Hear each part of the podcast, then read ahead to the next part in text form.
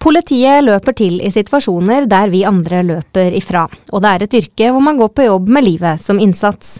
Heldigvis går det som oftest bra, men av og til skjer det som ikke skal skje. Dagens gjest mistet kollegaen sin da de skulle pågripe en mann som sprengte seg selv i luften. I varetekt, en podkast om politi og politikk av Politiets Fellesforbund. Du har pliktig til å oppgi navn, fødselsdato, fødselsår, stilling, bopel og politiet ber om det. Utover dette har du ikke plikt til å forklare det til politiet. Ja, velkommen i varetekt, eh, Rune Hundshamar. Tusen takk.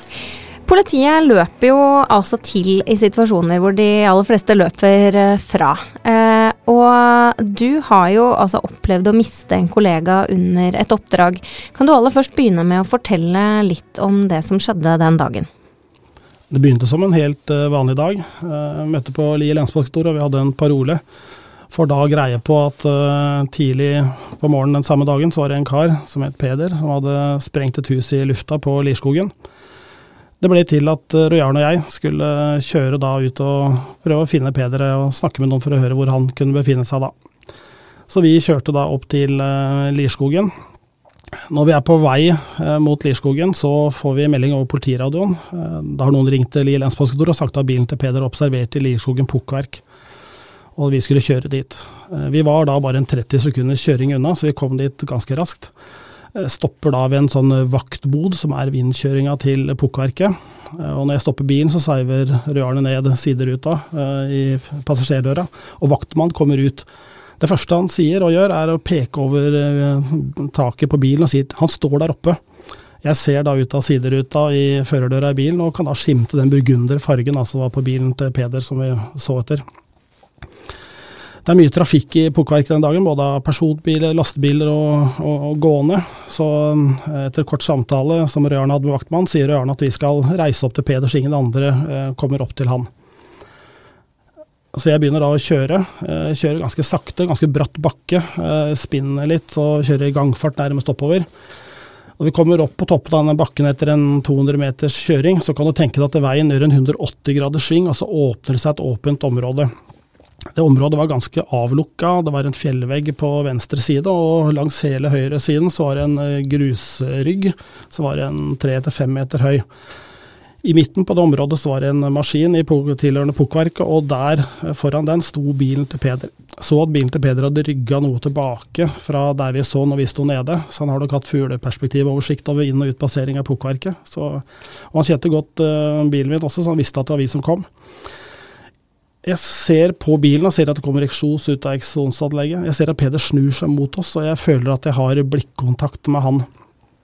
Så er det noe snø der, så jeg eh, kjører da i hjulspora som Peder hadde kjørt inn på området, i gangfart mot bilen til Peder, samtidig som Rane griper mikrofonen og melder da på samband da til lensmannskontoret at eh, vi har funnet bilen, og det sitter en mann i bilen. Omtrent akkurat da er det som når du tenker, så hører du din egen stemme i hodet. Og jeg hørte min stemme si at nå er det nok. Og så flytter jeg eh, foten, høyrefoten fra gasspedalen på bremsepedalen, og så stopper jeg. Samtidig så henger da Arne fra seg mikrofonen eh, til politiradioen, tar av bilbeltet og går ut. Etter at jeg har slått av tenninga og putta nøkkelen i lomma, så tenker jeg at nå skal jeg ha med håndjernene mine bort eh, til Peder. Vi var, både Rørne og jeg var i sivil, hadde ikke med oss noe håndjern i noe belte. Så jeg lener meg da over, holder venstrehånda i rattet, og lener meg da over eh, mot eh, hanskerommet i denne bilen, så var det Volvo 240. Vrir om på det runde hjulet, hanskerommet detter ned, jeg stikker handa inn. Kjenner at jeg får tak i håndjerna mine, og så er det et voldsomt smell. Hva, hva var det Hva, hva skjedde da? Jeg opplevde det som at det var en voldsom kraftig eksplosjon, som en varm trykkbølger som kasta meg rundt i bilen. Jeg husker at jeg skvatt og sk noe voldsomt. Jeg ble liggende på tvers, eh, altså jeg satt i førersetet da, liggende over mot passasjersetet og midtkonsollen. Husker jeg krøka meg sammen i fosterstilling og skvatt eller rista noe voldsomt. Kjente en voldsom piping i øra mine, og det lukta sterkt dynamitt. Jeg opplever at jeg var eh, til stede hele tiden, men jeg aner ikke om jeg var slått ut. Men jeg, jeg tror ikke det, oppfatta ikke det. etter kort tid så setter jeg meg opp, jeg skal se da ut av frontruta, den er eh, fullstendig pulverisert og ødelagt, umulig å se noe. Så vrir jeg hodet til høyre og til venstre, og glasser, glasset i vindusrutene i siderutene var borte. Og så må jeg blunke et par ganger med øya, fordi når jeg ser ut av vinduene, så hadde det vært snø der før som var hvit, og nå var det helt gråsvart, og det dreiv av røyk og noen småbranner. og jeg lurer på er jeg med her nå, eh, ser jeg riktig? Eh, så jeg tar og tørker meg i øynene og får en god del blod på hånda når jeg tørker meg i venstre øye. Men jeg skjønner at det jeg ser er eh, ekte og riktig. Så hører jeg min egen indre stemme si igjen at du må skaffe hjelp til Røyarne. Så jeg griper mikrofonen på, til politiradioen og sender følgende melding. Det har vært en eksplosjon. Antar at rørene er alvorlig skadd. Jeg blør litt, jeg, men det gjør ikke noe. Jeg trenger ambulanse luftambulanse. Så slapp jeg sendeknappen, og så var det helt stille. Fikk ikke noe respons på den, og jeg tenkte at kanskje ikke politiradioen virker. Men jeg må finne Røe Arne. Så tar jeg meg bilbeltet, lokker opp førerdøra, stiger ut, står og holder meg i taket og i toppen av døra. Så begynner jeg å la blikket sveipe over området, og der ser jeg Rød Arne ligge på ryggen.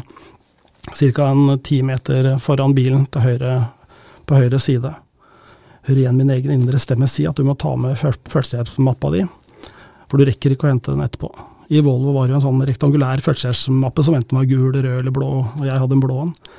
Jeg får tak i den, eh, og sprinter bort til der Arne ligger urørlig i snøen. Jeg setter meg ned på kne. Eh, Først måtte jeg se en gang er det Roy Arne, fordi det så ut som noen hadde kasta en eh, bøtte sot i ansiktet hans. Han hadde også en skade i venstre øye, en blodansamling der.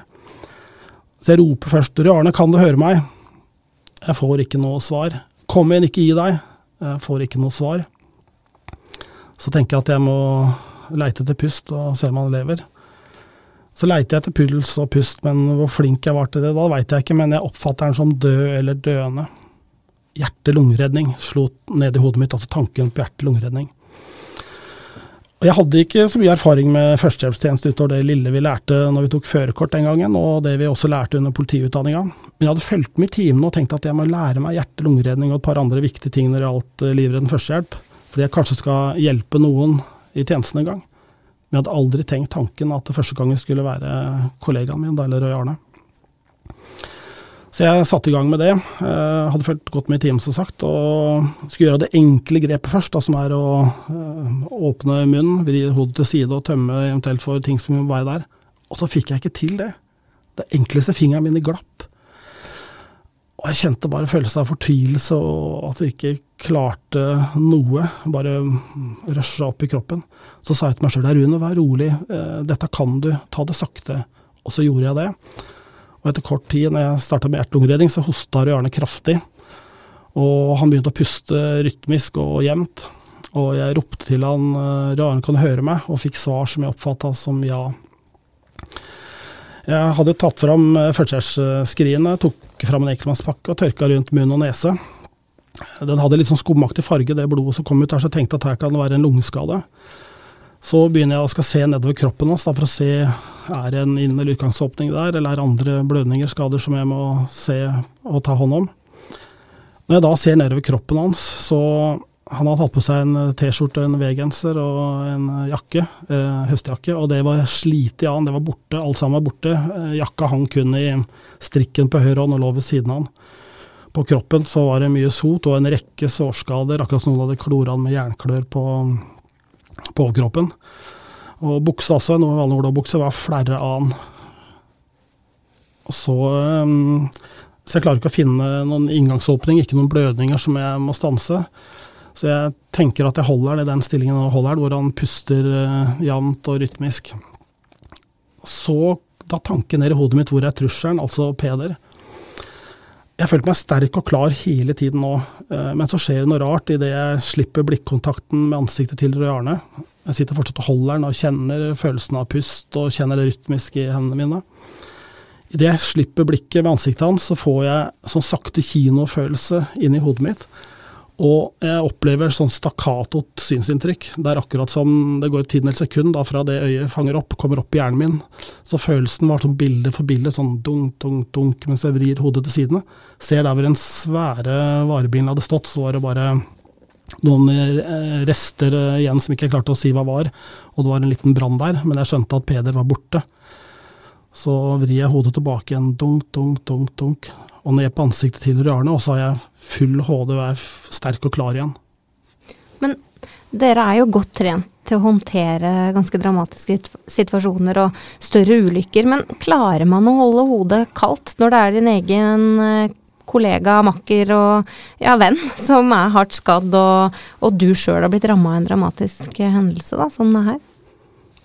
Min opplevelse er det er at uh, at, du, at, jeg klarte det, og at uh, treninga som du hadde hatt opp gjennom uh, tjenesten og, og utdanningen, uh, gjorde at jeg klarte å handle rasjonelt der. Det hjalp meg. Det slo i et. slapp å tenke så mye. Du bare gjør det, gjør det, og så klarte jeg å gjøre det.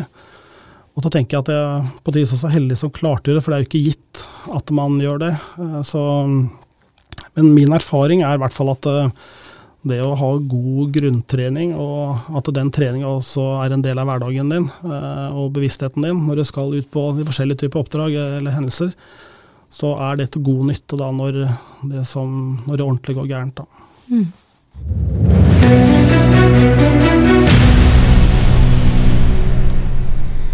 Dette var jo en voldsom eksplosjon eh, når du forteller eh, hvordan klærne var flerret av eh, Roy Arne og hvordan bilen til da Peder så ut. Så er det jo helt utrolig at du kom fra det her uten noen særlige skader, i hvert fall rent fysisk. Men hvordan hadde du det egentlig i, i ettertid? Hadde ikke noe særlig. Eh, av fysiske skader så hadde jeg kun en flenge i panna, noen mindre sårskader og en del øresus. Det føltes meningsløst å ha så lite skader når Peder var jo, var jo sprengt i filler, og Arne livstruende skadd. Så det føltes meningsløst å ha så lite skader. Sånn ellers så vil jeg si at jeg opplevde at livet ellers eh, gikk videre. Føltes uvirkelig, alt det som folk og gjør til daglig. Det er de samme TV-programmene der man spiser, man handler. Og så hadde vi stått oppe der, så var det en veldig følelse av uvirkelighet uh, som jeg hadde. I tillegg så kjente jeg jo på mange, mange plager, uh, som jeg sjøl valgte å kalle det. Jeg tenkte at nå vil jeg få en del plager, og så får jeg se åssen jeg takler de. Uh, kan jeg nevne noen av de. Og mange av dem varte veldig lenge. Uh, en av de var uh, en følelse av sånn tristhet i livet. Uh, hvis jeg skal beskrive hvordan jeg hadde det mange år etter hendelsen inni meg, så kan jeg beskrive det med en toneart, og det er du sånn monotont og trist. Altså, jeg klarte ikke å glede meg over ting lenger, men jeg var aldri heller veldig lei meg eller mm. at jeg gråt. Men mista noe av den gleden i hverdagen. Det var alltid en tristhet eller hake ved det. Jeg husker godt da jeg passerte Røarnes alder, så var 27, så det fikk han. Nå passerte jeg den, eller når det var jul, nyttår eller hyggelige ting, ferie eller hva det var. Så alltid en hake ved at han ikke fikk lov å oppleve det her lenger. Mm. Et annet problem som jeg merka veldig tidlig, var at jeg klarte ikke sette meg inn i andre folks problemer. Så når jeg var på jobb og folk eh, enten hadde hatt innbrudd i hus eller bilen, eller eh, noe var ødelagt eller skadeverk eller et eller annet, så var min tanke hva så, du lever? Og ca. tre uker etter hendelsen til Arne skal jeg nevne en, nevne en episode, da. Det var en brann ved et hus i Lier som brant ned tidlig en morgen. En uh, mamma og en gutt på to-tre år berga seg så vidt ut i livet. Jeg og en kollega dro dit, og hun er da i et nabohus. Da vi kommer dit, så sitter hun og damen og gråter hele tiden og forteller om alt som er ødelagt, og bilder og sølvtøy og, og, hus og alt sånt. Og jeg kjenner jeg blir mer og mer irritert på henne. Mm.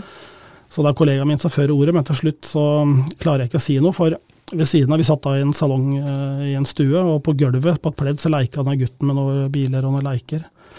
Så til slutt så klarer jeg ikke la være å si den, så sier jeg til hun dama da og ser på henne at du er jo heldig tross alt. Det er både du og gutten din som kanskje er det aller kjæreste du har i livet. Dere er uskadde av livet begge to. Det er eneste gangen hun slutter å gråte og ser på meg med vantro blikk og sier at det er lett for deg å si. Mm. Jeg kjente fortsatt på irritasjonssinnet, så jeg måtte gå bort fra det salongbordet og gikk bort til et vindu og sto og så på brannvesenet slokka brann. Når vi kom ut igjen til, unnskyld, til politibilen, så sa jeg til kollegaen min at nå har jeg en reaksjon som jeg har kjent på lenge, og som ikke er normal, og til å fortelle om hva jeg tenkte. Heldigvis så sier han at sånn har jeg det også, Rune, og så hadde vi en god samtale om det, og jeg skjønte at jeg er ikke aleine om å ha det vondt. Ellers så gikk det jo mye på konsentrasjonsproblemer, eh, særlig. Eh, det var at i lang tid så tanker rundt hendelsen til Rane de datt ukontrollerbart ned i hodet mitt. Så hvis sånn som du og jeg har en ordveksling på to-tre ordvekslinger, så, så, ante jeg ikke hva vi snakka om. Mm. Fordi jeg mista tråden. Og det samme, jeg likte jo å lese eller se film eller på TV. og uh, hvis jeg skulle lese en fireruters uh, i Donald eller i en avis, og etter to ruter så ante jeg ikke hva historien handla om. Men Forsto du på en måte hvorfor du reagerte som du gjorde, eller eh, fikk du, fikk du noe hjelp? Mm, jeg forsto, eller skjønte at det hang jo sammen med tjenesten, eh, eller hendelsen, mener jeg. Men, eh, men hvorfor og hvordan visste jeg ikke, for da hadde jeg gjort det, så kunne jeg jo kanskje visst noe mer hva jeg skulle gjøre med det. Og den gangen så var vi ikke så oppe og står i dag som vi er med både kollegastøtt og med psykologer og, og, den biten der. Har heller ikke den kunnskapen om stressreaksjoner og, og sånn. Så når det gjaldt hjelp, så under en time etter hendelsen ble jeg spurt uh, om jeg ville snakke med psykolog. Uh, mange politifolk, så min erfaring med psykiatri er jo de at vi, de vi bistår helse med å tvangsinnlegge eller fremstille for lege. Det var min erfaring med psykiatri, og jeg tenkte jeg er jo ikke der, så jeg takka dessverre deg. Mm. Men det skulle jeg betale en høy pris for i, i mange år. Jeg er ganske sikker på hadde han Sånn som det hadde vært i dag, da hvor det er mer rutine at du gjør sånt, så vil ting tida etter bli lettere.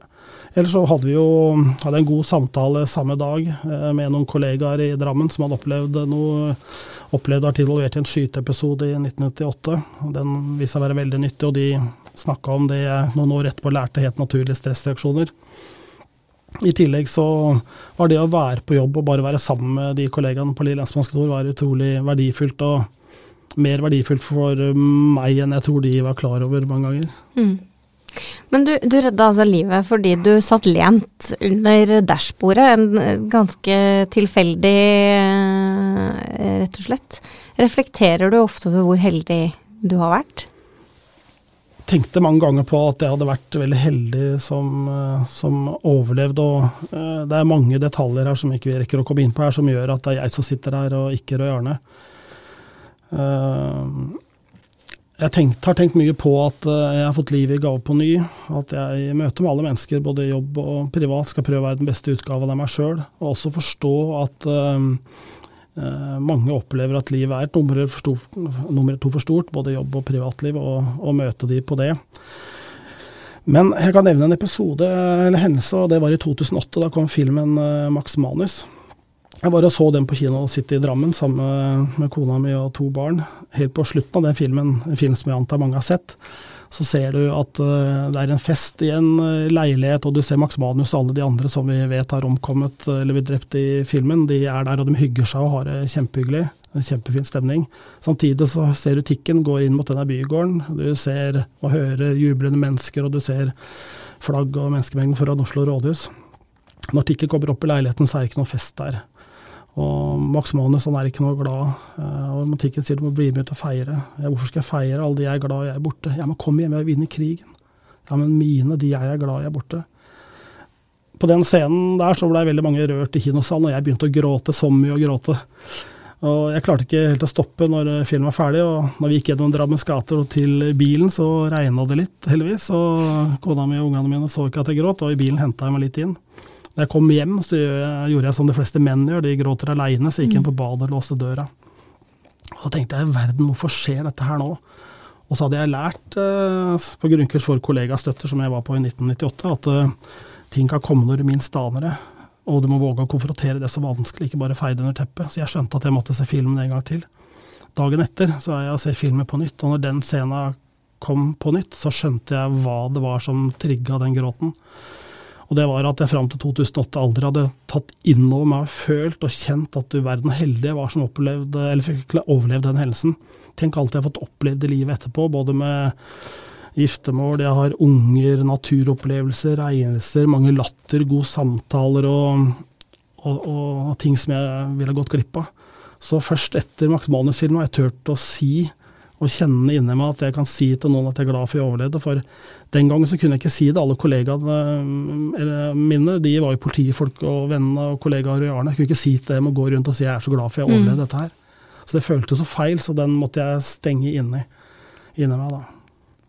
Men nå, nå, tør du å på en måte kjenne på følelsen av takknemlighet eh, også, tross alt? Ja, ja, jeg gjør det. Og kjenner jo veldig på takknemlighet. Det er en av flere verdiendringer som har kommet veldig sterkt eh, i meg. Og har også og så gjør veldig nøye på å bruke det i møte med andre mennesker. At er litt mer takknemlig for det du har. Og ikke definere egen lykke i noe som ligger foran deg, men kanskje litt mer i de nære tinga. Og eh, jeg er mye mer til stede i livet og føler at det er mer sånn sansene og takknemlighet er noe jeg kjenner på veldig ofte. Også de som var rundt meg den gangen. Husker jeg var jo 24 år. Kjæresten min hun var bare 19 år, og vi ble overlatt dette her i, til oss sjøl. Så når jeg tenker på, på, det, så er jeg veldig takknemlig for at, eh, for at jeg overlevde. Og prøver å bruke det livet jeg har både jobb eh, og privat så godt jeg kan også i møte med andre.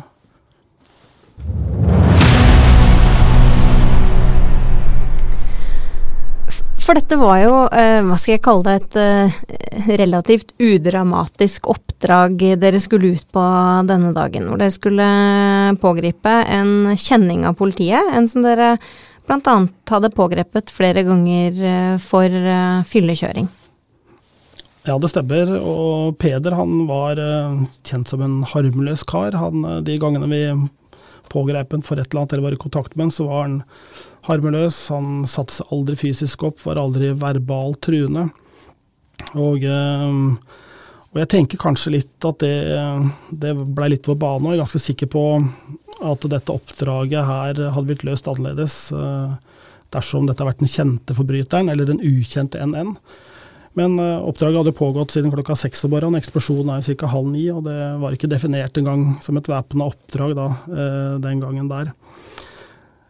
Den tanken på den erfaringa jeg har gjort der, da, om at uh, det kan skje når du minst aner, gjør at jeg har prøvd, både som den jeg er sjøl og seinere også som leder og operasjonsleder, at jeg prøver å gjøre mannskapene min eh, bevisst på at uh, la de gode rutinene, taktikken, egensikkerhet, den mentale forberedelse være en del av den daglige rutinen du har, da, enten du jobber i politiet eller en av de andre nødetatene eller Forsvaret eller hvilket oppdrag du skal ut og løse. Mm. Og la det bli en del av rutinen din, ikke at du skal ja, i dag er det sånn, da må vi skjerpe oss. Fordi at det kan, sånne hendelser kan oppstå når du, når du minst aner og uten særlig grad av forvarsel. Mm. Men etter en sånn opplevelse, har du noen gang vært redd for å gå på jobb, da, nå når du fikk føle på kroppen hvor, hvor gærent det faktisk kan gå? Jeg har aldri følt meg redd eller kjent på frykt, sånn som jeg definerer det, men jeg har mange ganger kjent på usikkerhet. Men uh, det er et par ting som, uh, som jeg da har hatt med meg og en trygghet i meg. Det er uh, den opplæringa som vi har i politiet, og den er jo enda bedre i dag enn den var den gangen. Men den opplæringa vi hadde sjøl den gangen, gjorde jo at jeg klarte å handle og gjorde meg trygg på kall arbeidsoppgavene mine da når noe så ille skjedde. Og det har jeg hatt god nytte av i mange ganger ellers i tjenesten også, så jeg har aldri følt på redsel eller, eller sånt. Men også og så tenker jeg at det er normale følelser også. Noen ganger er oppe i endelser, så det å føle på usikkerhet, eller man kan føle seg også redd, så er det normalt. Men det gjelder da å kunne håndtere det og kanskje ha en god situasjonsforståelse, en god risikovurdering, og at man som enkeltperson eller team da når du skal utføre et eller annet oppdrag, er godt trent da, og, og kjenner godt til taktikk og, og de tingene der. Mm. Men om du ikke har vært, uh, vært redd, så har jo denne hendelsen påvirka deg uh, både som politi og som uh, menneske. Ja, er, jeg måtte lære meg å leve med den hendelsen. og Jeg må jo først si at i 1998, november, da, så ble jeg valgt til kollegastøtte i det som er Drammen politidistrikt. Det var første gangen jeg fikk høre om noe som het naturlige stressreaksjoner. Det var Senter for krisepsykologi i Bergen, som en Jakob Ing Kristoffersen som hadde de timene. Og hadde jeg fått en lyspære for hver gang han sa noe som jeg kjente meg igjen i, eller som jeg da fikk forståelsen er det derfor jeg reagerer sånn? Mm. Er det derfor jeg begynner å gråte hver gang jeg hører 'Jeg ser', f.eks., sånn mm. ukontrollert, for det, den sangen hørte jeg i begravelsen til Arne for første gang. Eller begynner å skjelve hver gang jeg møter en tilsvarende bil. Så hadde jeg fått en lyspære for hver sånn ting, så hadde jeg hatt uh, lys til mange juletrær det året. Så det å ha kunnskap om naturlige stressreaksjoner, og både som kollega, som venn eller som partner, og også som leder, ha kunnskap om det, er uh, veldig viktig. Så da har jeg jo uh, siden maidagene 1992 Altså har jeg drevet og holdt foredrag, ikke bare innenfor politiet, men innenfor nødetatene, Forsvaret, Sivilforsvar, og også i det sivile liv for en del ledere, for å prøve å dele noe av den kunnskapen her, da. Mm. Men hvorfor er det så viktig å snakke om sånne opplevelser, at, eh, ja, og, og, ikke minst da, at folk skal få høre om reaksjoner og, og, og hva, som, hva, man kan forvente når man opplever så mm. dramatiske ting? Min erfaring er at det å kunne dele eh, med andre hvordan man opplevde det, er, åpner også for at andre kan bli trygge, og trygge på seg sjøl. Og når man da kanskje kjenner på noe etter å f.eks. ha vært ute på et oppdrag, eller har tatt et avhør i en krevende sak, eller som kriminaltekniker vært ute på noe spesielt eh, som har gjort inntrykk, eller, eh, eller i retten som en eh, aktor eh, står med en krevende sak, så at det er naturlig å kjenne på det. Så jeg tror det at eh, jeg da har turt å dele, eh, er med på å skape en trygghet til andre å kunne dele, eller si at nå har jeg det kanskje ikke så greit, eller å kanskje kunne løse ting da før det blir uhåndterbart. da. For vi er bare mennesker, vi som jobber der. I varetekt.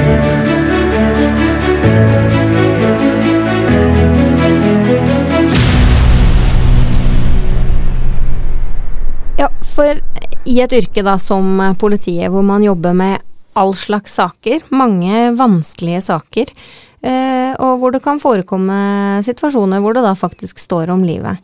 Eh, hvor viktig er det at man ser hele mennesket eh, også bak uniformen? Jeg tror det er veldig viktig, og har sjøl erfart det. I tillegg til å være politi, så er vi mammaer og pappaer, og vi er søstre og brødre og, og sønner og døtre. Så og vi, som alle andre, har, eh, har, utfordringer i både jobb og privatliv. Eh, så det er veldig viktig at man, eh, både som kollega, men også som leder, er god på å, å se hele mennesket. For av og til så kan man stoppe i ting krevende i privatlivet, enten alvorlig sykdom eller NB samlivsbrudd, som veldig mange opplever. Som er så krevende at du klarer ikke å være upåvirka av det i jobb. Eller noen ganger så opplever du ting i tjenesten og da ikke bare operativt, men det gjelder etterforskere og arrestforvarere og jurister og alle, og alle, som gjør at du tar med deg det hjem. At det er ikke bare å skru om når du kommer hjem. Mm. Og kanskje ta del i dagliglivet. Da. Så det å kunne dele, det å gjøre det litt mer bevisst på egenomsorg, for det har vi alle et ansvar for for å ta vare på sjøl. Uh, og at du også Jeg deler en del om det arbeidsstress og familie, for det henger sammen. For jeg tenker, skal du over tid altså gått i den rollen du har, enten om det er i politiet eller en annen nødetat eller i livet generelt, så hvis du er god til å ta vare på deg sjøl, så har du mer energi til å stå på jobben, også når du måtte kreve mer av deg. Men samtidig også ha god nok energi eller overskudd da, til å være en god mamma, pappa eller kjæreste når det trengs. Men er det en slags uh, urealistisk forventning, kanskje både internt uh, i politiet, eller politifolk imellom, og i samfunnet for øvrig, da, at uh, politiet det er litt sånn overmennesker som ikke lar seg påvirke av de tøffe opplevelsene man faktisk er borti? Jeg tenker at nesten for alle yrker, hvis ikke du er inne i det sjøl, så er det så lett å se en ting fra utsiden og kanskje gjøre seg en oppfatning eller mene noe. Eh, min erfaring er at vi i politiet vi har en god opplæring. Vi er gode internt, eh, IP-trening og ellers vi er ganske gode på det. Så vi klarer å takle det meste og har erfaring og rutiner og, og kompetanse på mye. Men vi er bare mennesker, vi også, som opplever at livet kan være et nummer eller to for stort noen ganger, sånn som, som alle mennesker opplever. Og det, det er normalt også for oss. Mm, og da må det være greit å snakke om det? Da må det være greit å snakke om det, ja. Og det er jo det du har da tatt mye initiativ til, da. Ja, jeg har eh, Jeg satte meg noen mål, som sagt, når eh, denne helsen skjedde. Var å være best mulig i møte med alle andre mennesker, men også å kunne dele. Og det har jeg snart gjort nå i 30 år, og har tenkt å fortsette med det uh, ut politikarrieren. For jeg tenker at hvis noen da kan f.eks. høre på mine erfaringer, uten selv å ha opplevd en alvorlig krise, og så kanskje ta noen grep uten først å stå i den krisen, da. Eller, eller uh, at du kan lære noe av de vonde erfaringene, ikke bare jeg, men alle vi på lensmannskontoret og, og, rundt hendelsen med Røarne. Hvis noen kan lære av det, hvis én kan lære av det, så har kanskje ikke det vonde som vi og lensmannskontoret og jeg opplevde i forbindelse med Røarnes død, har vært helt forgjeves. Mm. Det er nå uh, snart 30 år siden uh, du var uh, med på denne hendelsen. har du i dag noen stressreaksjoner av noe slag som, som, fortsatt påvirker deg? Ikke som jeg kjenner på i det daglige, men jeg er klar over at det kan dukke opp når du minst aner, akkurat som Max Manus-filmen som jeg nevnte noen få ganger kjenne på det når det skjer noe alvorlig med noen kollegaer i tjenesten.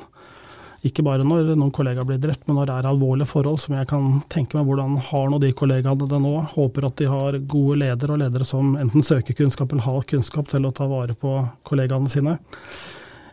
Eller når det måtte skje noe i Forsvaret når det gjelder bomber som man blir utsatt for. Eller når jeg ser en film hvor kanskje lydbildet og uh, sminken og sånt i den scenen som kommer, er veldig gjenkjennbar og veldig lik uh, det jeg sjøl opplevde i pukkverket. Mm. For det kommer jo som lyn fra klar himmel. Og da kjenner jeg på det, men nå veit jeg at det er noe normalt, så det er ikke noe feil med meg, men det er en normal reaksjon på det jeg har vært i, så jeg er veldig trygg på det. Jeg er også trygg på det eh, at jeg har både kollegaer, venner, kjæreste rundt meg. Så om jeg skulle kjenne på noe som ikke jeg kan la være å tenke på, så vil jeg snakke med noen om det, for jeg veit at det er til god hjelp også. Pluss at det at jeg tør å snakke om noe, åpner også for at andre tør å kan snakke om noe. Mm. Jeg er veldig glad for at du ville komme hit og snakke med oss om uh, denne opplevelsen. Tusen, tusen takk for det. Ja, tusen takk for at jeg fikk lov å komme, og at dere setter fokus på et så viktig tema som kanskje ikke alle klarer å prate om eller ønsker å prate om, så takk til dere også. I varetekt, en podkast om politi og politikk av Politiets Fellesforbund.